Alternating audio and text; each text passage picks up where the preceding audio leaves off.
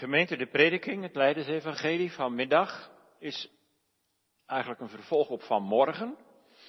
En nu gaat het over Johannes 18, vers 10, 11 en 12. Dat lezen we samen. Nog een keer. Johannes 18, 10. Simon Petrus dan hebben een zwaard, trok het zelf uit en sloeg de dienstknecht van de hoge priester en hakte zijn rechteroor af. De naam van de dienstknecht was Malchus. Jezus dan zei tegen Petrus, steek uw zwaard in de schede, de drinkbeker die mij de Vader gegeven heeft, zal ik die niet drinken? De bende dan, de overste over duizend en de dienaars van de Joden, namen Jezus gezamenlijk en bonden hem. Jezus wordt gevangen genomen. Want ze bonden hem. Drie aandachtspunten. Het zwaard van Petrus. De drinkbeker van Jezus. En de les voor ons allen. Simon Petrus. Dan. Simon Petrus. Dat zijn twee namen, jongens en meisjes. Twee namen. Peter is een tweemens, zo noemen we dat wel eens. Dat ben ik ook. En jullie ook. Simon, die zich niet zomaar uit het veld laat slaan. Soms, zoals nu hier in de tekst, slaat hij erop los. Je blijft toch niet werkeloos toekijken als je geliefde meester kwaad gedaan wordt? Simon. Petrus. Simon Petrus dan. Petrus. Die naam heeft hij van de Heer Jezus gekregen in Caesarea Philippi, het noorden van Israël, bij de bronnen van de Jordaan. Heeft hij Christus beleden als de Zoon van God en de Messias. En toen heeft de Heer Jezus gezegd, je bent een rotsman. Je staat zo vast als een huis. Nou ja, die beleidenis van Petrus, die staat zo vast als een huis. Hij heeft de Jezus de Messias genoemd, de Zoon van God. Petrus, zeg maar, een kei. Simon, bij nader inzien een gekrookte riet. Hoe sympathiek zijn ingrijpen ook mogen lijken, uiteindelijk moet hij het toch van genade hebben. Vanmorgen is in de preek aan de orde geweest dat Judas bereid was om de Heer Jezus te verlaten en dat hij de paaszaal verliet om over te lopen naar de vijand. En het was nacht. Dit is het vervolg erop. Namelijk, in onze tekst komt de bende soldaten met fakkels en wapens in de hof Jezus inrekenen. En Judas is daarbij. En de Heere zei, als je mij zoekt, laat dan mijn discipelen naar huis gaan. Vrij af, doe ze niks. En nog even liet hij zijn almacht zien, toen ze op, op dat moment allemaal op hun rug vielen. Nou, dat is natuurlijk niet normaal. Soldaten met stokken, met zwaarden, stoer en sterk. Maar Petrus heeft het moeilijk. Petrus, als hij die soldaten ziet met die fakkels en die wapens en midden in de nacht, hij ziet dat wonder wel, dat ze allemaal op hun rug vallen, maar hij begrijpt dat niet, dat de Heer Jezus zich gevangen geeft. En dan op het cruciale moment, dat de Heer Jezus zich gaat uitleveren, springt Petrus verontwaardigd naar voren en met het slachtmes waarmee hij in de schemeravond het paaslam heeft gekeeld, slaat hij om zich heen. Ondanks de gelegenheid om te vluchten die Jezus gaf, de discipelen gingen weg, hij niet. Hij blijft bij zijn meester. Hij is trouw. Simon springt verontwaardigd naar voren. En dan gebeurt het. Ja, Simon blijft bij Jezus, dat is heel goed bedoeld allemaal. Maar juist als de Heer Jezus laat zien, ik zal mijn leven voor jullie zetten, voor jullie geven. Dat kan Petrus niet begrijpen. Nu de aanvallers Jezus gevangen nemen, doet hij een uitval naar degene die het dichtst bij hem staat. Maakt niet uit wie. Eigenlijk ergert Petrus zich dat de Heer Jezus zich zomaar overgeeft. Hij wil zijn meester juist beschermen en verdedigen. Petrus is bijna radeloos. Hij heeft de meeste zulke vreselijke dingen horen zeggen al. Over sterven. En, en, en Judas is op zo'n rare manier vertrokken. Toen ze het eerste avondmaal gevierd hadden. En hij zelf heeft moeten horen over verloochening. Dat hij Jezus zal verloochenen en verlaten. Je weet dus maar nooit wat er deze nacht allemaal te gebeuren staat. Ja, hij ziet het goed. Nu is echt het zwaard nodig. Kijk eens naar die bozadige soldaten, jongens en meisjes. De bende soldaten, de overpriesters. Het vuur van de haat straalt het in hun ogen. Ze overrompelen Jezus en ze willen hem gevangen nemen en wegvoeren. Dat nooit, denkt Petrus.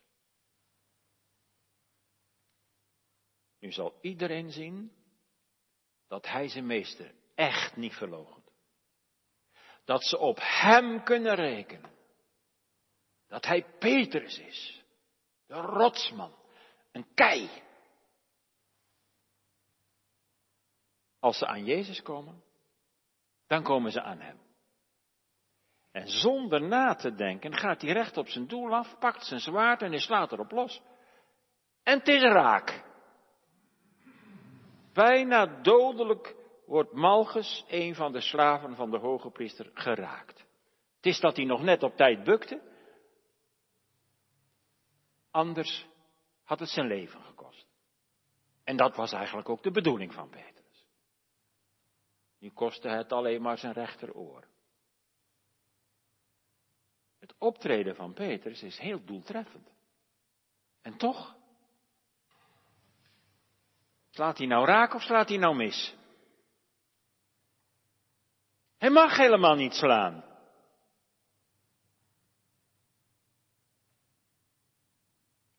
Dat zal hij horen uit de mond van de Heer Jezus. Bijna vermoordt hij een mens, doodt hij een mens. Al is hij dan een discipel van de Heer Jezus, al meent hij echt de meester een handje te moeten helpen en te verdedigen. Hij trekt het zwaard voor Jezus. Niet de vijand trekt het zwaard, maar de vriend. Stormt in zijn hart. Hij trekt het zwaard om het lam van God te sparen tegenover het verraad van Judas, zo gemeen, biedt Petrus zijn dienst en zijn spierballen aan aan de Heer Jezus. En toch, deze daad kan niet bedekt worden met een mantel der liefde. Want in Gods oog en naar Gods oordeel is een bijna moordenaar toch gelijk aan een moordenaar. Zei Jezus niet, wie zijn broeder haat is een doodslager? En Petrus hakt erop in. Jezus' woord was aan dovermans oren gezegd. Toen hij sprak, indien gij dan mij zoekt, soldaten, Judas, overpriesters, laat mijn discipelen vrij afgaan. Petrus op de vlucht. Niks daarvan. Dat zal geen waar zijn. Hij zal Jezus vrijwaren van de dood. Vechten zal hij. Desnoods zich doodvechten. En hij ziet niet dat hij met zijn onbehouden optreden Jezus voor de voeten loopt. En het lam van God verhindert om de wil van zijn vader te doen. De zwaardslag van Simon. Herkent u iets? Van wat daarachter zit? We hebben niet allemaal met een zwaard gezwaaid, maar wat daarachter zit. Jezelf handhaven. Je laten gelden. In plaats van je door het bloed van de Heere Jezus laten zaligen. Een mens zou zich liever doodvechten dan van pure genade leven. Vechten in eigen kracht. In plaats van zalig worden uit genade. Vechten om de waarheid. Zoals wij die zien. En zoals wij die verdedigen. En zo Jezus voor de voeten lopen. We gaan liever op de vuist dan op de knieën. Je kunt beter op de knieën gaan. Waar staan wij? Achter het lam? Dat onze vrijgeleide bepleit? Jullie mogen vrij, ik draag jullie straf. Of staan we voor het lam? Staan we hem in de weg? En wees eerlijk, wie is er te goed voor om te grijpen naar het wapen van eigen gerechtigheid, zelfhandhaving? Mijn wil geschieden. Wie wil gaan op de weg van zelfverloochening, overgave, lijden? Wie wil de weg van Jezus gaan? Dat wil je alleen als je eigen hart gebroken is. En je geest verslagen. Die man, die vrouw, die jongen en dat meisje. Dat de schuld naar zich toegekregen heeft. En met droefheid moet beleiden. Vader, Heere God. Ik heb gezondigd. Tegen u. Maar ook wie zeggen kan. Ik ben verlost door zijn bloed. En Christus leeft in mij. En dat gaat diep. Dat is te zien. De zwaardslag van Petrus.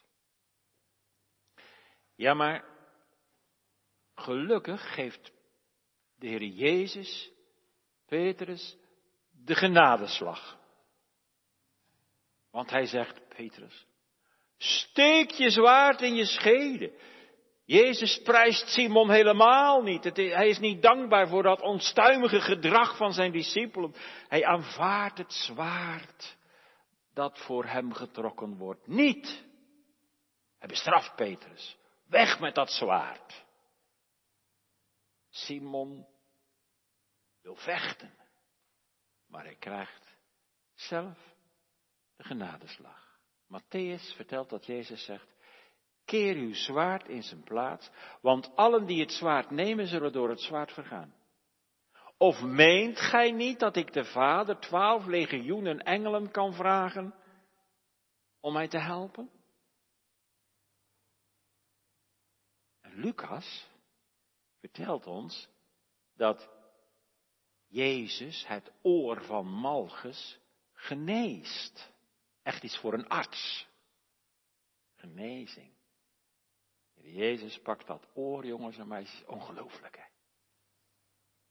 Dat kan geen dokter hier hoor. Hij pakt dat oor en hij plakt het als het ware weer terug op het hoofd van die Malchus en het geneest. Dat is een wonder. De naam Malchus wijst erop dat deze man een slaaf is van de hoge priester dat dat een buitenlander was, want de naam Malchus kwam in Israël niet voor. En Jezus zegt volgens Lucas, laat hem, laat hen hiertoe geworden. Laat ze begaan in hun gevangenneming van mij. Ik heb jullie toch een vrijgeleide gegeven. Ik ga toch voor jullie de dood in. Simon wordt toch geen moordenaar. Zo zien we gemeente Peters krijgt de genadeslag. Maar weet u, die hebben wij ook nodig. God brengt zondaren de genadeslag toe onder de veroordelende kracht van zijn heilige wet. In haar hoofdsom.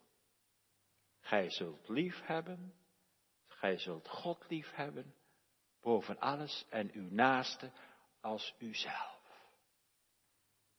Dan sla je niet zijn oor eraf. Al is het zo'n man van heidense afkomst zoals Malchus, zo'n verklaarde vijand van Christus, zo'n mens die je dwars zit, een fanatieke moslim, of een sarrende buurman. Staan we hier niet voor een spiegel? Geen wetticisme of activisme kan ons redden. Geen enkele, geen enkele zelfverlossing of zelfverdediging brengt ons in een verzoende betrekking met God. Hoe goed je het ook bedoelt en hoe ijverig je ook je inspant, alles wat het borgwerk van Christus in ons leven in de weg staat, ontvangt hier de genadeslag. Uitgewerkt. Ik kan het niet meer. Ik heb God nodig. Ik heb genade nodig. Vergeving van al mijn zonden. Anders kan ik niet gelukkig zijn. Alleen het volkomen offer van Christus redt van de dood. Zijn vrijgeleide. Zijn borgtocht. Zijn eeuwige liefde. Zijn dierbaar bloed. Zijn offer aan het kruis. Een andere weg om tot God te komen is er niet.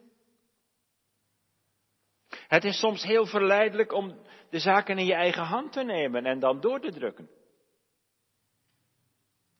Laat God zijn plannen maar uitwerken.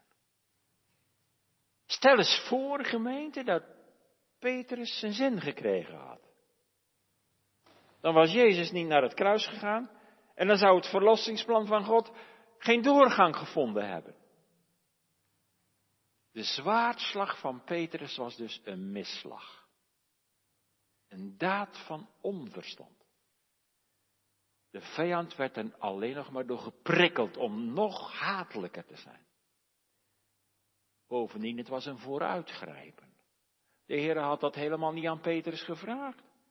Hij deed het op eigen initiatief, zonder volmacht, zonder Jezus daarin te kennen. Dat is ook een les voor ons hoor. Altijd weer. Je moet niet strijden zonder daartoe geroepen te zijn. Zonder opdracht. Op eigen initiatief. Het moet in de Bijbel staan. De Heer moet het uitdrukkelijk aan je duidelijk gemaakt hebben. Kijk maar naar Petrus. Vooruitgrijpen leidt uiteindelijk tot verloochening. Want Petrus gaat al heel snel op zijn gezicht. Pijnlijk nauwkeurig wordt in het vervolg van de schriftlezing beschreven hoe hij Jezus gaat verloochenen. Heb ik u niet met hem gezien in de hof? Wie zei dat? Een familielid van Malchus. Heeft dat natuurlijk scherp waargenomen. Het vuur werd Petrus na aan de schenen gelegd en hij logende het wederom. En het was nacht. Wat is toch een mens? Wie voelt zich beter dan Petrus? Ik denk dat niemand zijn vinger op kan steken. Laten we maar kijken naar Jezus. En dat gaan we doen in onze tweede gedachte. De drinkbeker van Jezus. En we lezen vers 11. Het tweede stukje. De drinkbeker die de Vader mij gegeven heeft, zal ik die niet drinken? Het woordje drinkbeker herinnert aan de gebedsworsteling van de Heere Jezus in Gethsemane, voordat de bende de hof inkwam. Vader, indien het mogelijk is, laat deze drinkbeker van toorn en lijden en verlatenheid aan mij voorbij gaan. Doch niet wat ik wil, maar u wil geschieden. Het drinken van de lijdensbeker. De drinkbeker is voor de Heer Jezus de samenvatting van alle smart en de angsten van de hel. Van alle pijn en versmaadheid en verwerping die hij moet doorlijden en doorstrijden. In de drinkbeker van Christus zit de haat van al die vijanden en de bitterheid van de dood aan het kruis en de versmaadheid van het graf en de verlating door zijn vader, het vierde kruiswoord. Deze beker zit boordevol met de toorn van God over de zonde. Uw zonde. Mijn zonde. Drinkbeker die de Vader mij geeft. Zal ik die niet drinken? Met deze woorden neemt de Heer Jezus alles op zich. Ook de rechtvaardige veroordeling van Petrus. Petrus moet immers ook vrijgesproken worden van misdaad. Laat je zwaard los. Jezus omvat met beide handen de beker. De lijdenskelk van Christus is tot de rand toegevuld met schuld en zonde en straf en angst en dood en vloek en oordeel. Noem het maar op, alles wat u verdiend hebt. En ik, door onze zonden. Maar hij is de borg die zijn leven stelde voor zijn schapen. Misschien topt iemand van ons wel, of, of je de toorn van God wel genoeg hebt doorvoeld in je hart. Het antwoord van de Bijbel is, Christus zegt, maar ik drink toch de beker. Die hoef jij dit toch niet te drinken? Bent u bang dat uw berouw over de zonde niet diep genoeg gaat? Maar ik zou toch de beker drinken? Vreest u dat het stuk van de ellende, dat u dat niet diep genoeg gepeild hebt? Jezus zegt, zal ik die niet drinken? Hij is borg in alles. In het drinken van de beker, in het zingen van de lofzang. We hebben hem altijd nodig en wat ons betreft, het is nooit genoeg. Maar dat hoeft ook niet. Want Christus is genoeg en zijn volbrachte werk is genoeg. Alleen zijn drinken van de beker voldoet de Vader. En als u dat ziet en u zelf ziet in het licht van die beker, dan hebt u aan de Heere Jezus echt genoeg. Hij drinkt de beker leeg tot op de bodem, de laatste druppel. Geen druppel wordt hem gespaard, geen enkele teug wordt hem kwijtgescholden. Jezus kiest voor de beker. En de Vader geeft hem die te drinken. En hij is aan de Vader gehoorzaam. Hij heeft de zijnen lief tot het eind onbegrijpelijk evangelie. Zijn lijden is de liefde van het kloppende vaderhart. Petrus begreep dat niet. En de andere discipelen begrepen dat ook niet. Ze kunnen er gewoon niet bij. Maar staat er niet boven? Het is een zaak van geloof. En er moeten wel je ogen voor open gaan. Want daar zijn we van nature blind voor. Blind voor Christus. Die de beker drinkt. Die zich laat wegvoeren en binden en bespotten en veroordelen en zich laat kruisigen en die toch in dat alles meer dan overwinnaar is. Hij drinkt de beker niet als een machteloos mens, die tot drinken wordt gedwongen. Hij drinkt de beker als de overwinnaar. Die drinken wil wat de Vader hem te drinken geeft. En wat blijft er dan alleen maar over? De liefde van de Vader en de liefde van de Zoon. Overweldigend groot, onpeilbaar diep. Daar breekt toch je hart onder. Dat brengt toch tot verootmoediging. Deze gevende liefde, zo zuiver, zo heilig, zo groot en zo goed. En naar wie gaat die liefde uit? Van God de Vader en van de Heere Jezus.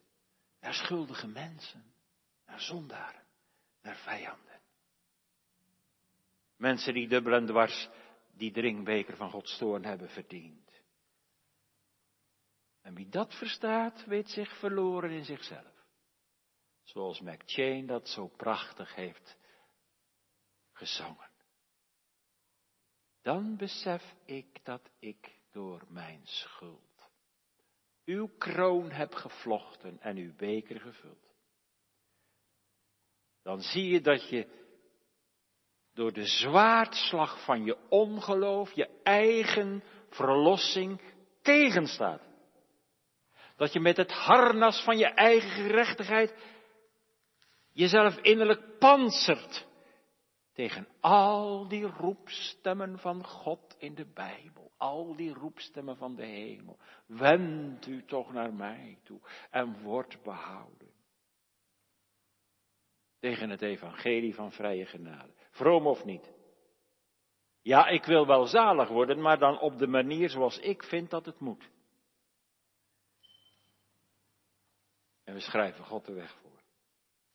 En niet op de manier waarop die de Heer Jezus aanwijst in zijn woord. Je ergert je aan Christus gewilligheid. En aan de weg die Hij gaat met zondaars. De weg van zelfveroordeling. De weg van bekering. De weg van sterven aan alles wat van jezelf is. Om zo de bevrijdende boodschap te horen. Dit deed ik voor u. Ik voor u. Daar gij anders de eeuwige dood had moeten sterven. En gemeente, als de geest ons hart daarop afstemt. En mij afneemt wat hem in de weg staat. En mij overtuigt. En Jezus borgtocht persoonlijk toe-eigent dan komt de stille verwondering.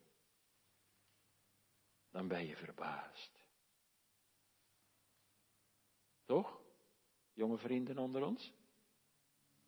Dat hij die drinkbeker wilde drinken waar al mijn vuil in zit.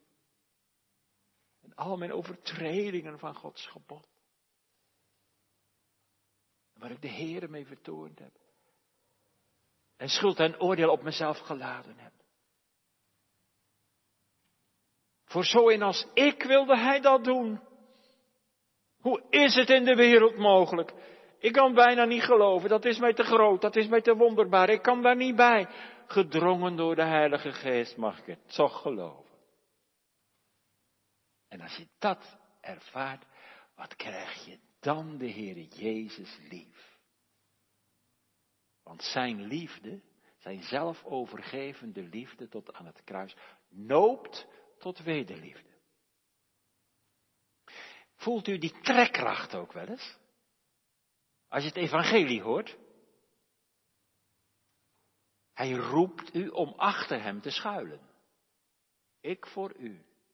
Als je mij zoekt, zijn alle mijn discipelen, mijn volgelingen vrij.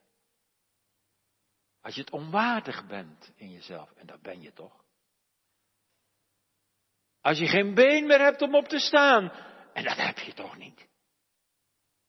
Christus is een volkomen zaligmaker. Die verloren ellendige mensen bevrijdt en redt. Niet de Christus van onze beschouwingen en inzichten, maar de levende Christus, de Christus van de schriften, die we vinden in het dierbare woord van God, als we daarin lezen met een heilbegeerig en hongerig en verlangend hart. De zaligmaker.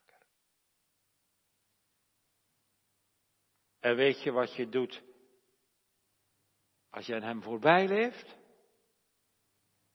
Dan versmaad je zijn liefde. Dan acht je zijn bloed onrein. Dan blijft er geen slachtoffer meer over voor je zonden. Het woord van onze tekst dwingt ons tot een keus. Zelfverlossing of alles verliezen en redding door het bloed van Christus alleen. En dat is de evangelie van Gods genade. Er zijn wel al wat lessen voorbij gekomen, maar ik wil er nog even wat dieper ingaan. De les voor ons allen. De vraag is natuurlijk, volgen wij de Heere Jezus of volgen wij Hem niet? Als bewijs dat hij het zwaard afwijst en de beker drinkt, geeft de Heere Jezus zich gewillig over om gebonden te worden. Er staat, de dienaren van de Joden namen Jezus gezamenlijk en bonden hem. Denk je dat eens in? Jongens en meisjes, die reine, zondeloze handen van de Heer Jezus worden gebonden, in boeien gesloten, als de vuisten van een moordenaar. Die handen van de Heer Jezus waren altijd bezig in de opdracht van God de Vader. Hij zegende kinderen, zoals jullie, Neeltje. Ja, jij luistert goed mee, dat zag ik. En de Heer Jezus legde zijn handen op zulke kinderen. Zijn handen. En hij genas mensen die ziek waren. En hij bracht het brood voor hongerige mensen. En hij nodigde om tot hem te komen. Hij hielp, hij redde uit het gevaar. Het laatste liefdewerk wat de Heer Jezus deed, dat was, hij pakte dat oor van Malchus en hij plakte het zo weer aan zijn hoofd en het zat gelijk goed. En het bloed stroomde er weer door.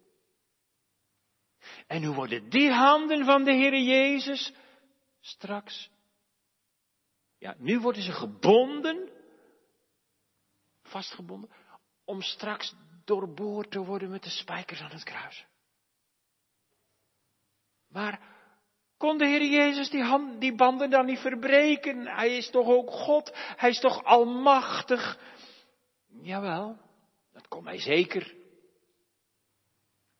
Toch eigenlijk nu niet meer. Niet omdat hij het niet kon, maar omdat hij het niet wilde. Nu zijn laatste werk gedaan is, nu hij een vrijgeleide voor al zijn, al zijn discipelen heeft opgeëist, niet alleen van toen, maar ook van nu, volgelingen van hem, hier in de kerk en thuis op de bank. Nu hij dat gedaan heeft, naar de raad van God, naar de wil van God, de Vader zelf legt eigenlijk die touwen aan vanuit zijn eeuwige raadsplan. Nu strekt de Heer Jezus zijn handen uit om zich gewillig te laten vastbinden en als een lam ter slachting te laten leiden nog veel gewilliger, jongens en meisjes, dan vroeger Isaac.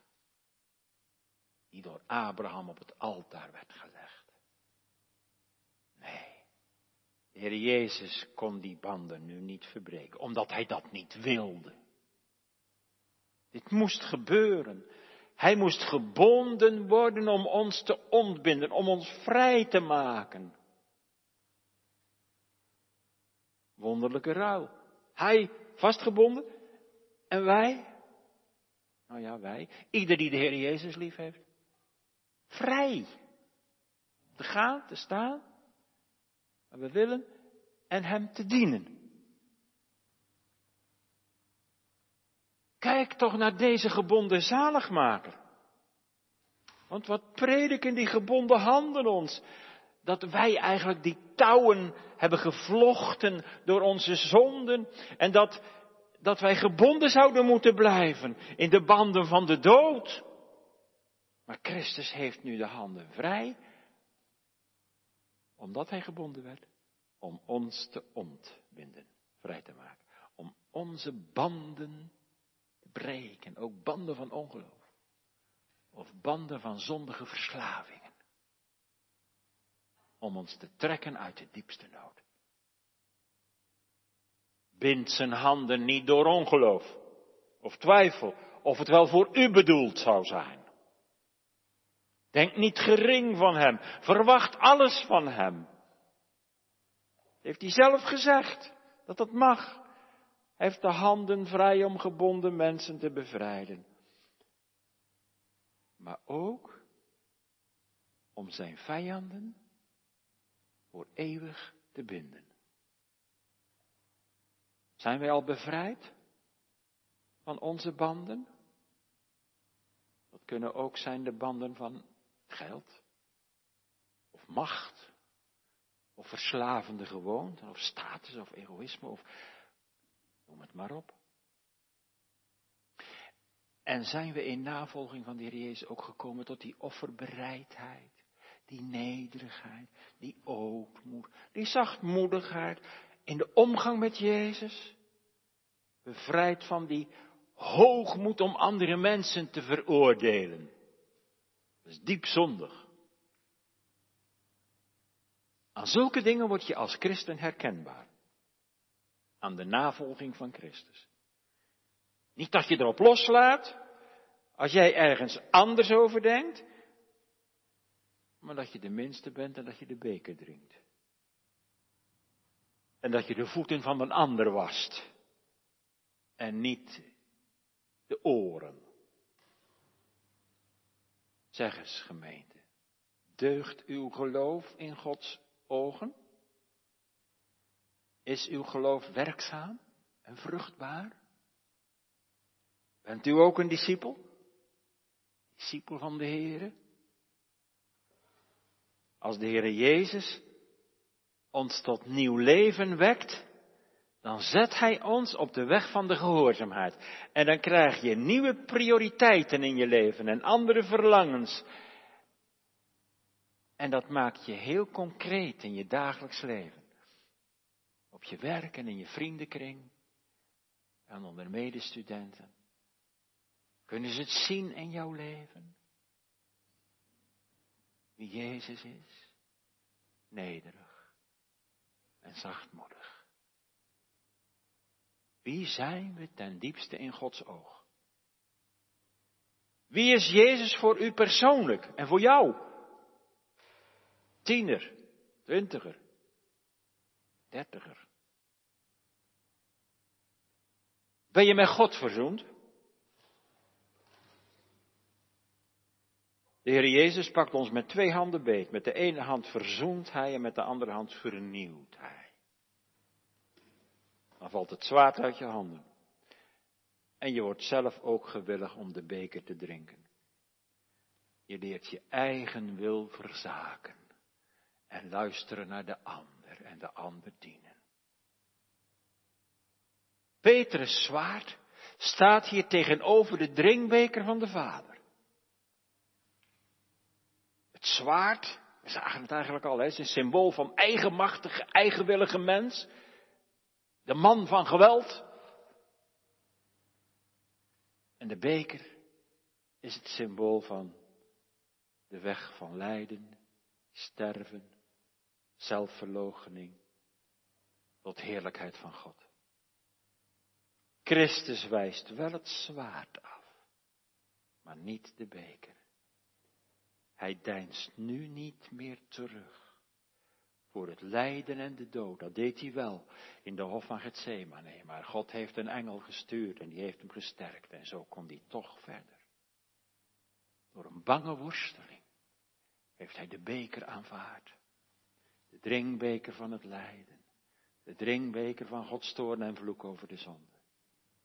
En wie nu een echte christen is, gemeente, wie nu in het voetspoor van de Heer Jezus wil gaan, die leert in navolging van Hem niet het slachtmes hanteren, maar de beker drinken.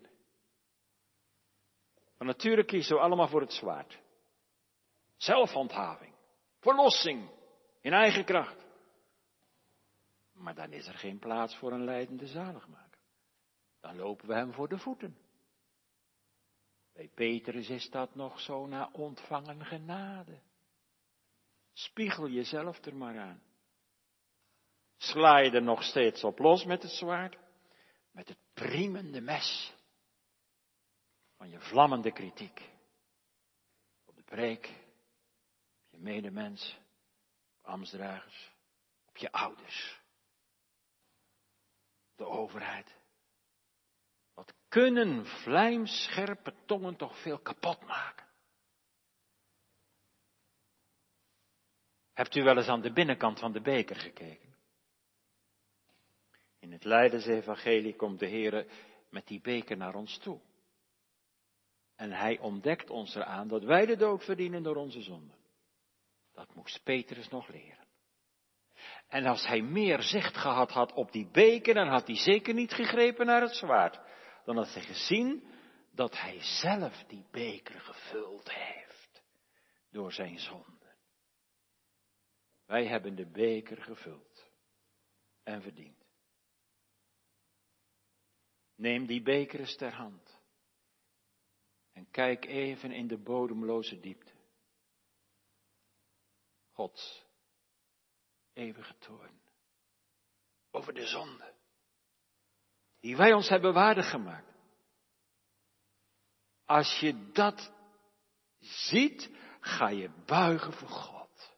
En dan valt het zwaard uit je handen.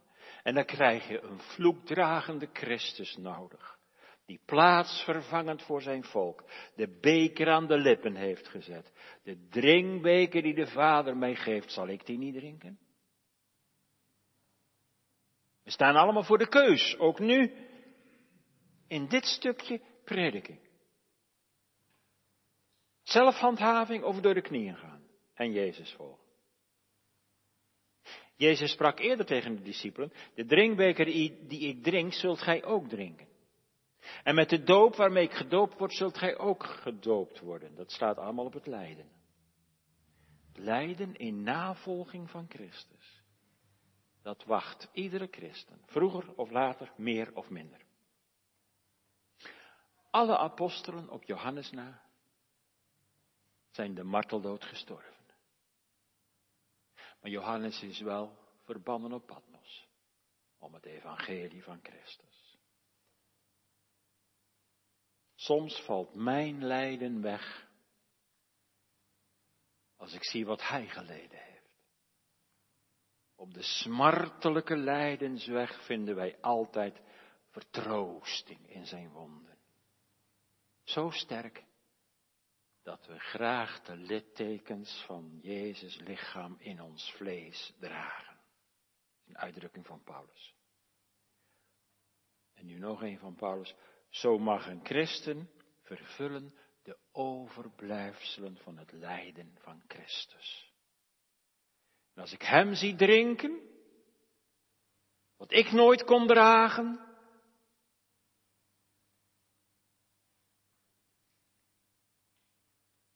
dan mag ik en leer ik fluisteren. Heere, wat bent u genadig. En hoe het ook in mijn leven gaat, en het kan heel moeilijk zijn. We hebben geen welvaartsevangelie. De Heer zegt niet, als je gelooft gaat alles voorspoeden. Maar, zal ik dan niet dragen wat de Heere mij oplegt? Dat is een levenslange les voor ons.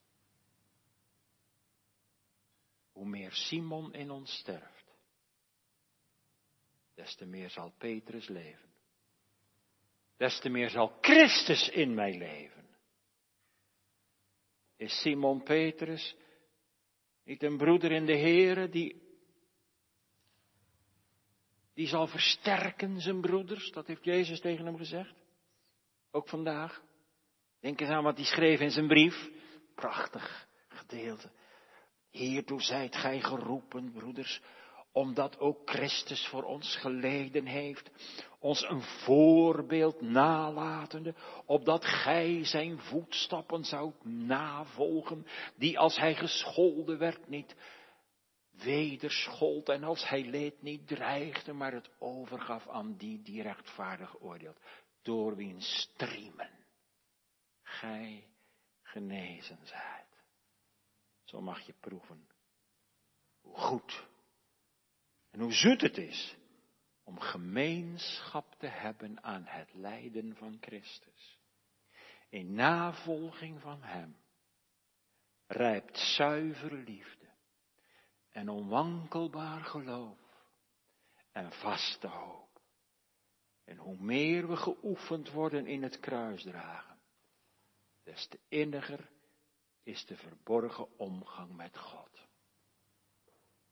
Wees dan navolgers van God. Als geliefde kinderen. Amen. Dank u, Heere, voor uw woord. Leidersevangelie. Ondubbelzinnig komt het naar ons toe. U stelt ons ook voor de keus hoe we reageren. En we weten met ons verstand allemaal dat de beker beter is dan het zwaard. Help ons, Heer, om het ook in praktijk te brengen. Want dat is zo weer barstig. En we hebben onze oude natuur zo tegen daarin. Het is een levenslange strijd. Maar u hebt de overwinning behaald. En het komt goed. In Hem zijn we meer dan overwinnaars. Wees deze week met ons. Is vakantie voor de schoolkinderen. Misschien ook voor de ouders. Een prachtig weer wordt voorspeld. Dank u, Heer, dat we daarvan mogen genieten. Maar wees ook met hen die het moeilijk hebben. Wees ook met zuster Luttekhuizen. Die een ernstige operatie moet ondergaan aanstaande dinsdag. En geef ons met elkaar mee te leven. Verbonden in u. Door het geloof in de Heer Jezus. Uit genade. Amen.